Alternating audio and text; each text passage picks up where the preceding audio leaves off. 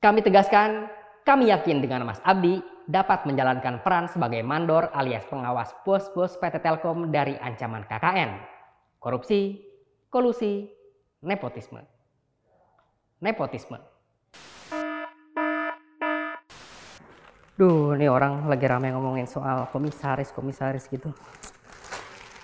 Kapan ya gue kebagian?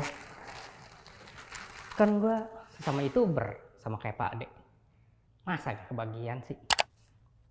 Selamat datang di Berita Buru-Buru, terdepan dalam mengobarkan. Bersama saya, Mr. Kece. Membahas kejadian terkini dengan buru-buru, sehingga Anda tetap harus mencari referensi lain. Edisi kali ini tidak bersama Pita Cili, karena Pita Cili keterusan liburan di Bali. Berita pertama datang dari Belantika Musik Tanah Air.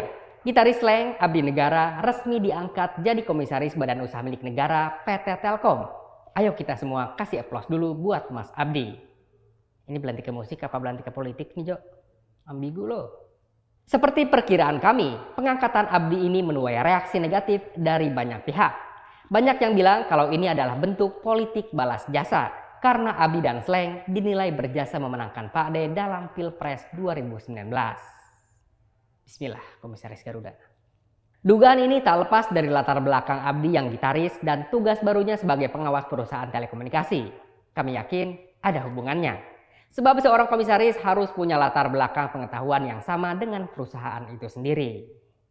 Tapi kan Pak Ade juga latar belakangnya kan mebel bisa tuh jadi hari satu. Tapi menurut Fajrul Rahman yang juga komisaris Waskita Karya dan juga juru bicara Pak Ade, waduh banyak juga ya jabatannya. Bagi dong satu buat Mr. Kece penunjukan Abdi jadi komisaris Telkom sudah sesuai sama jejak profesionalnya. Apakah maksudnya jejak Abdi yang dulu pernah jadi inisiator konser Salam Dua Jari saat pemilu 2019? Who knows? Tapi yang jelas pihak istana meminta publik tidak memandang Abdi sebelah mata. Sebab Abdi adalah sosok kreatif dan visioner. Jadi mas kalau menghanyutkan itu dibutuhkan PT Telkom. Latar belakang gue juga suka marah-marah. Cocok tuh jadi komisaris. Bismillah Komisaris Garuda. Latar belakang Abdi sebagai seorang musisi juga dinilai berguna untuk memajukan konten-konten PT Telkom. Meskipun kalau soal konten digital menurut hemat kami, Atta Halilintar lebih oke. Okay. Tapi berhubung mantu Mas Anang ini lagi rehat dulu bikin konten karena tragedi sebelumnya, maka argumen itu kami tahan.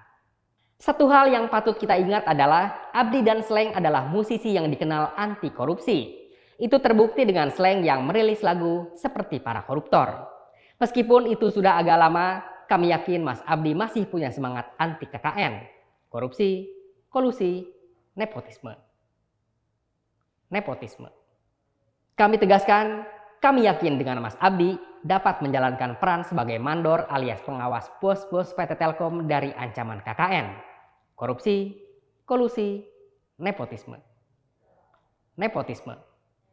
Balikin, oh oh balikin KPK gue kayak dulu lagi.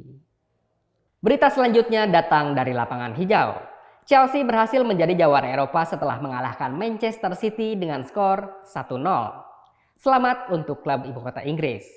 Kegagalan Manchester City menjuarai Liga Champions dikaitkan dengan kutukan dukun Afrika untuk sang pelatih Pep Guardiola Kutukan ini tak lepas dari sikap Guardiola yang membuang Yaya Toure, pemain senior Manchester City saat dirinya baru menjabat sebagai pelatih The Citizen. Orang Inggris percaya juga ya mendukung.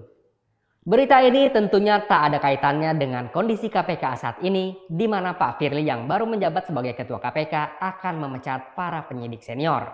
Sekali lagi, tidak ada hubungannya. Maka dari itu, kalian jangan sangkut pautkan.